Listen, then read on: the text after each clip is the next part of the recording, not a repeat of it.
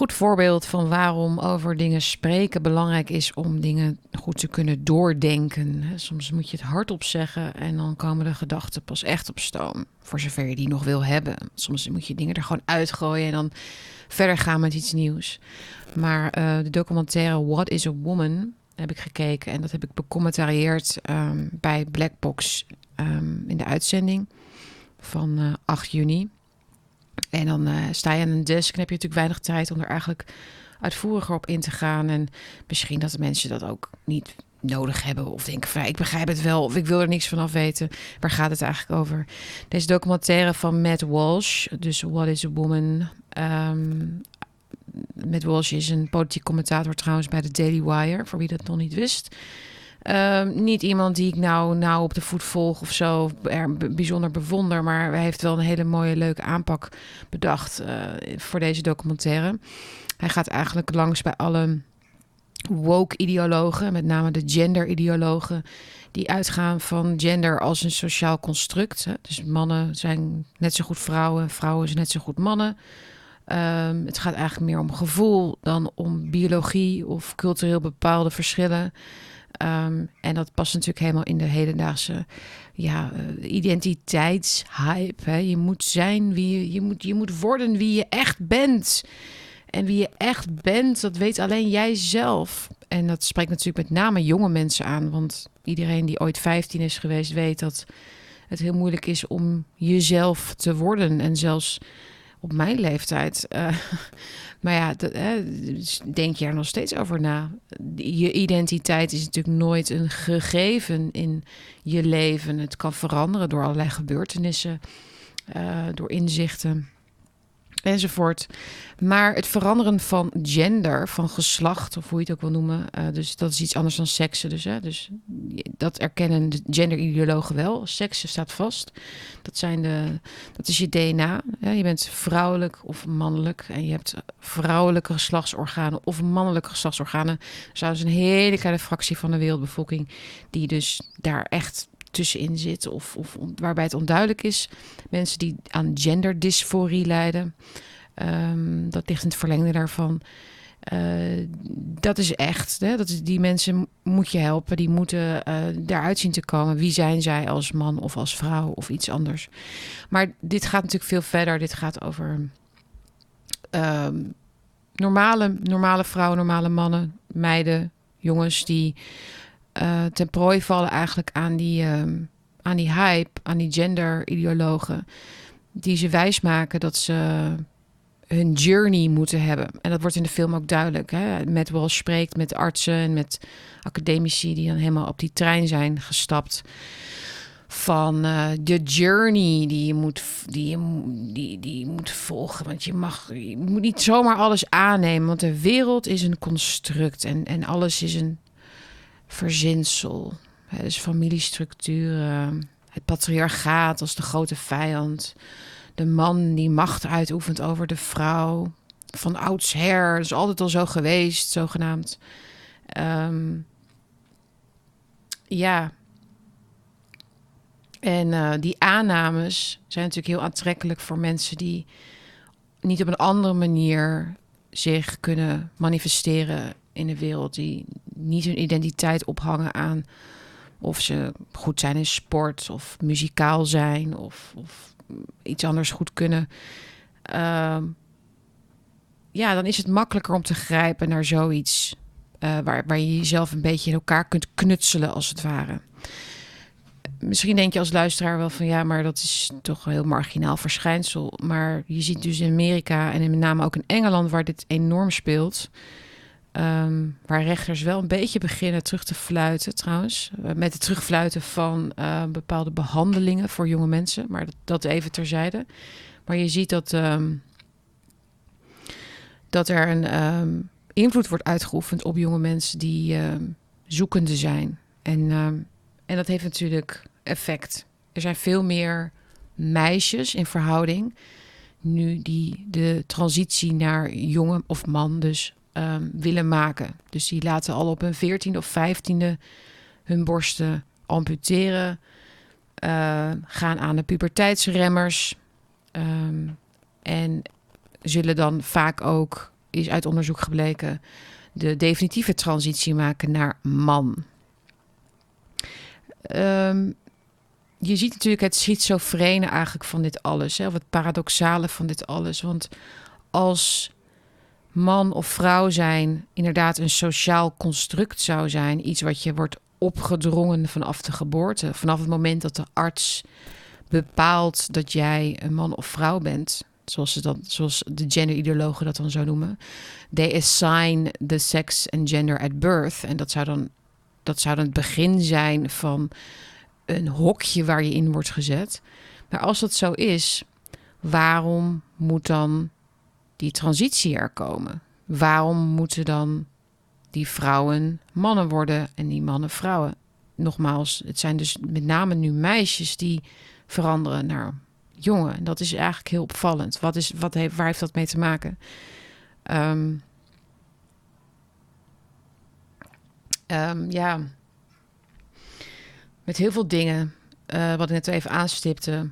Ehm, jongeren zijn bevattelijk hiervoor. Er wordt druk, uit op, op ze uitgeoefend. Heel veel mensen vragen, ja, waar komt het dan vandaan, die druk? nou, in ieder geval vanuit de elite-universiteiten in Amerika. Daar zie je het het sterkst. Maar ook vanuit NGO's, de Teachers Unions, uh, de VN-agenda 2030 is ermee begiftigd met um, de equality, gender equality. Um, dat gaat dus niet over vrouwen vooruit helpen enzovoort, maar dat gaat dus echt over die LGBTQ pride ambities. Dus iedereen moet vertegenwoordigd zijn. Uh, alles is hetzelfde. Iedereen is hetzelfde. Uh, er, zijn eigenlijk, er is eigenlijk geen norm. Dat is, dat is de kern van wat die agenda predikt. De World Health Organization is een grote pleitbezorger van uh, seksonderwijs en gender, in, gender-inclusief onderwijs, zoals het dan heet. En dat begint dan ook vaak dan al op de lagere school. En dat zien we dus in Nederland dus ook al gebeuren. Dat kinderen op de lagere school, zo jong als 6, 7 jaar al les krijgen over genderkeuzes. En dat wordt al gekoppeld aan andere keuzes die je ook gewoon mag maken als kind. Je mag toch zelf beslissen wat je aantrekt en of je met een voetbal wil spelen of met een pop. Nou, dat mag allemaal natuurlijk. Maar denk dan even door. Misschien ben je wel helemaal geen meisje. Misschien ben je wel helemaal geen jongen. Dus het wordt via de techniek van, ik noem het dan maar even, neurolinguistisch programmeren. Misschien ben ik dan, sla ik dan wel weer te extreem door, maar dat is in de kern wel waar het op neerkomt. Hè? Dus dat je eerst het kind vertrouwd maakt met het idee dat eigenlijk alles up for grabs is. Alles, je kunt alles kiezen ten aanzien van je identiteit. Niets is inherent al onderdeel van jou of niets komt spontaan tot jou. Niets komt van nature tot jou. Niets komt met de tijd uh, bij jou of met jou. Het is een actief handelen, actief een reis afleggen naar een mens wat uh, uniek is in de kern. Maar nogmaals weer, dat is dus dat, die paradox. Want wat is er uniek aan het veranderen naar een ander geslacht. Want dan erken je daarmee dus wel dat er zoiets als een vrouw bestaat of als een man bestaat. Als het waar is wat ze zeggen dat alles buiten de realiteit valt en een soort construct is. Waarom zou je dan überhaupt nog vasthouden aan die man- of vrouwrol? Wat maakt dat vrouw zijn dan zo begeerlijk voor jongens, mannen. En wat maakt uh, het man zijn zo begeerlijk voor meisjes en vrouwen? Dat impliceert dus dat er een waarheid zit in die rol, in, die, um, in het zijn van vrouw of het zijn van man. En dat fascineert me natuurlijk, uh, los van dat heel veel dingen, ja, voer ik toch wel terug op gewoon. Uh, de, de tijd waarin we leven, de, de verwarring, de, de, de, de laatste dagen van Rome, zullen we maar zeggen. waarin je dit soort dingen ook zag. Hè? Dus dat, dat eigenlijk de structuren, de, de maatschappelijke structuren werden ondermijnd en werden al dan niet actief, maar vanuit een soort, ja, eh, een soort vonkje wat, wat, wat begon en, en, en eindigt in een in chaos, zeg maar. En de chaos die we nu zien is die van de mens als een identiteit. Identiteit zelf is in feite een, een moeilijk iets geworden. Een te zwaar iets voor mensen om daar echt over na te denken. En dus spelen we nu allerlei spelletjes met eruit zien als. Daarom hebben ook heel veel van die jongeren ook. Ehm, kijk maar eens op TikTok en zo. Maar die hebben allemaal van die gekleurde haren. En proberen zich te laten. Ja, proberen zich te onderscheiden. En dat, dat is normaal. dat is ook iets wat ehm, eh, psycholoog Jordan Peterson goed uitlegt. Hè? Dus dat het een normaal iets is en dat je dat ook kunt. Hè? Dus dat, dat het logisch is dat kinderen dit oppakken.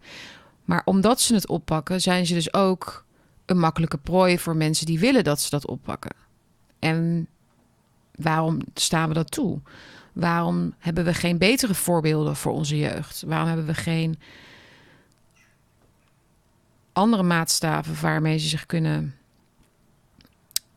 waar ze zich kunnen meten. Hoe zeg je dat? Geen andere voorbeelden waar ze zich kunnen meten. Geen andere. Um, ja.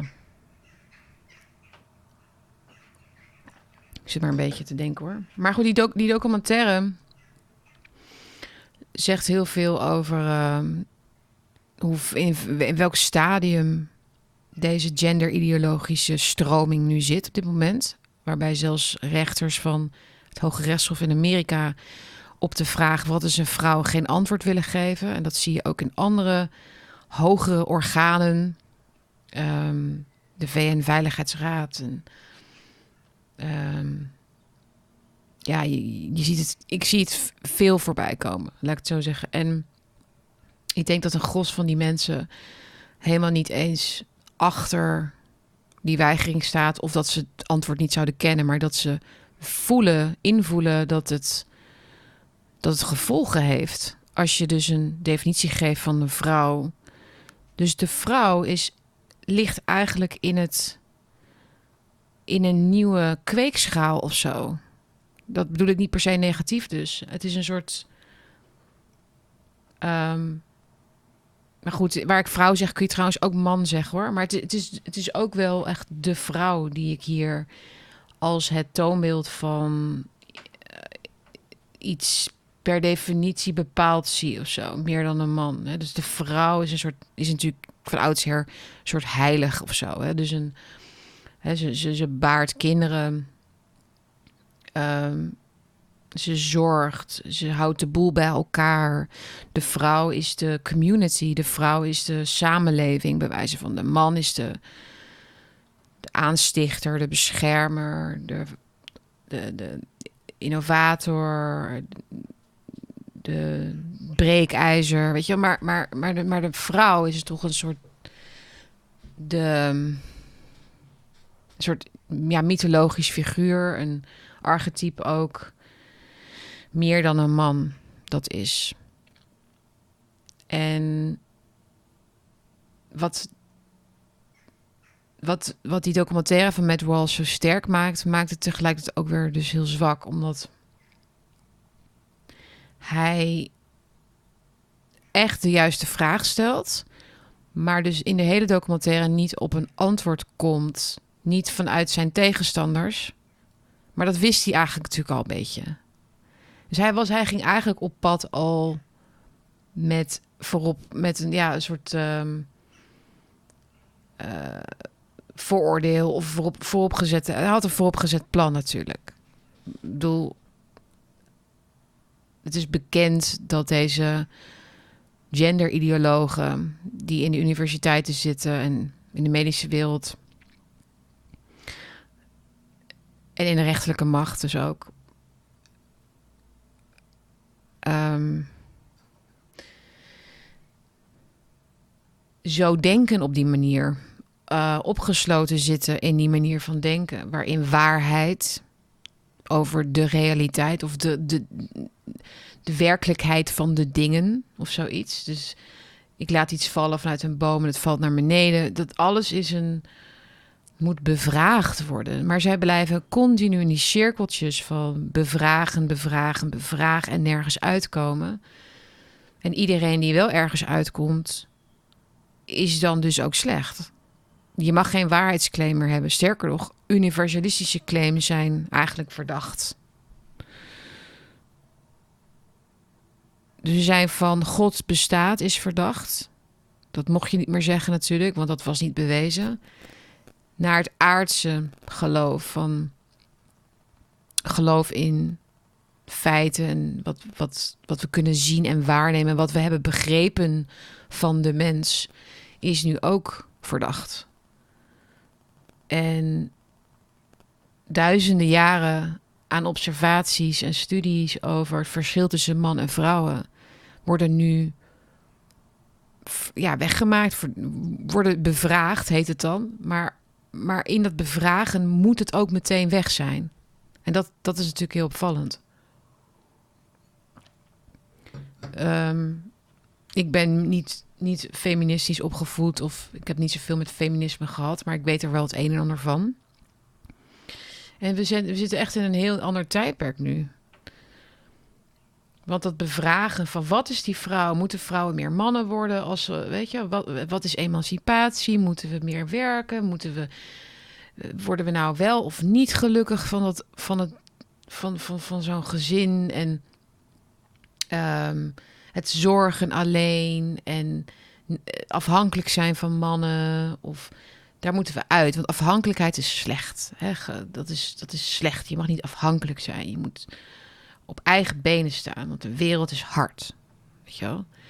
Uh, maar nu ineens is de wereld blijkbaar niet meer hard of zo. Want, um, want we hebben die mannen niet meer nodig. Helemaal niet meer nodig. Dus we kunnen het nu helemaal zelf. En je ziet ook dat vrouwen daardoor masculiner zijn geworden. Niet, ik, ik vind, ik zie vrouwen niet per se masculien um, als ik vrouwen zie of ontmoet. Maar er is iets in het systeem geslopen. Je kan het het matriarchaat ook noemen, wat het is geworden. Wat de, bepaalde kanten van de vrouw beloont. Dus binnen die machtsstructuren beloont. Die eigenlijk heel veel weg hebben van de slechtste kanten van mannen. Die hen worden toebedeeld in het patriarchaat. Het patriarchaat is natuurlijk slecht. Het patriarchaat is het idee dat mannen vrouwen onderdrukken en sowieso een onderdrukkende geest hebben. Uit zijn op eigen gewin en op uh, uitbuiting en uh, de sterkste zijn en de underdog leidt eronder en people on the top, people on the bottom enzovoort. Dus die dat machts dat ja dat dat dat evenwicht moet hersteld worden met vrouwen. Hè? Dat is dan natuurlijk de eerste gedachte. Maar wat gebeurt er vervolgens in de bestrijding van het, van het patriarchaat door de invloed van vrouwen? Is dat vrouwen dus een een, een, een, een, een passief-agressief, zou ik het noemen, een passief-agressieve rol op zich hebben genomen in de strijd. En dan kan ik zeggen van, en daarmee zijn ze uit hun oorspronkelijke um, aard weggedreven of zo. Als verbinders, als zorgzame mensen. Maar, maar ik, ik weet niet of dat zo is. Want ik zie dat toch wel om me heen. Maar de aanmoediging die ik zie is om die man te worden die ze eigenlijk, waar ze eigenlijk van af willen. En dan daar met ze bedoel ik dan bijvoorbeeld mensen binnen de Europese Unie die dan zo'n vrouwenquotum dan realiseren nu. 40% van alle vrouwen moeten in de boardrooms zitten. Dat wordt dan nu straks een regel. En dat geldt voor elk land. Ook landen waar vrouwen prima gelukkig zijn met andere eh, beroepen of andere dingen. Nee, machtsposities. Vrouwen moeten in machtsposities komen. Want pas als ze een machtpositie hebben, dan hebben ze macht. Dat wordt dan verondersteld. Pas als ze machtsposities hebben, dan hebben ze macht. Maar dat is een heel erg mannelijke opvatting van macht. Dus daadwerkelijk macht, dus dat je boven op de rot zit, op die apenrot zit. En is dat je, dat je bevelen kan roepen naar, de, naar je, naar je, naar je ja, onderdanen, hoe zeg je dat, naar je um, personeel, naar je kinderen, naar anderen.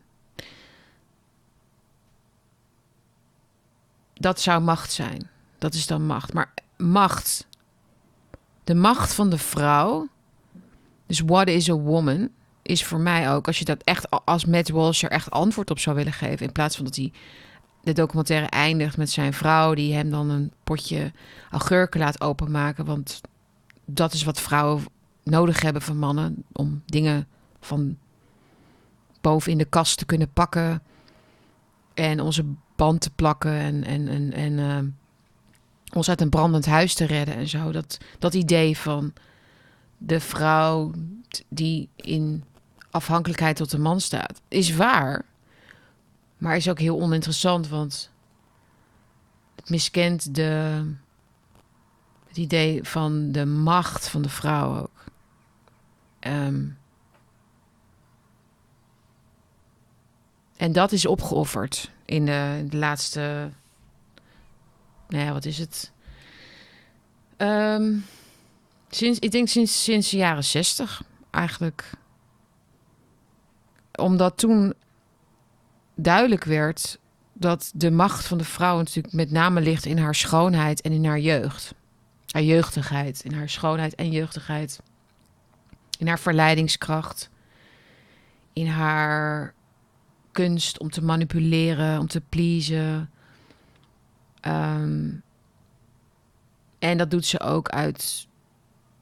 Ja, uit.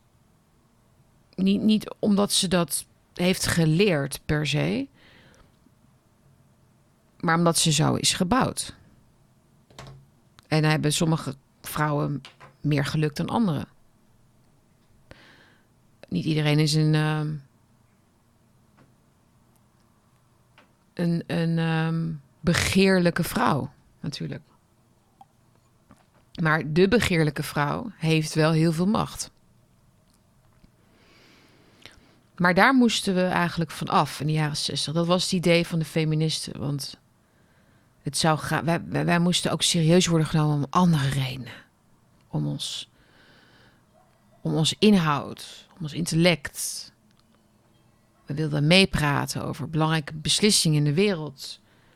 Want het betrof ook ons. En wij wilden niet thuis koken. We wilden ook erop uit. Wij wilden ook een leuk leven.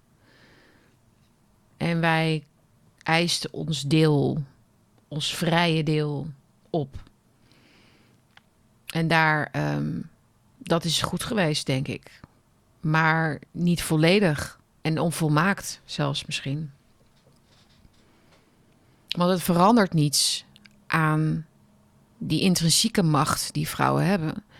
En waar ze ook stiekem, mag ik als vrouw wel zeggen, niet, ja, stiekem, maar waar ze ook niet eerlijk over zijn. Dat dat zo is.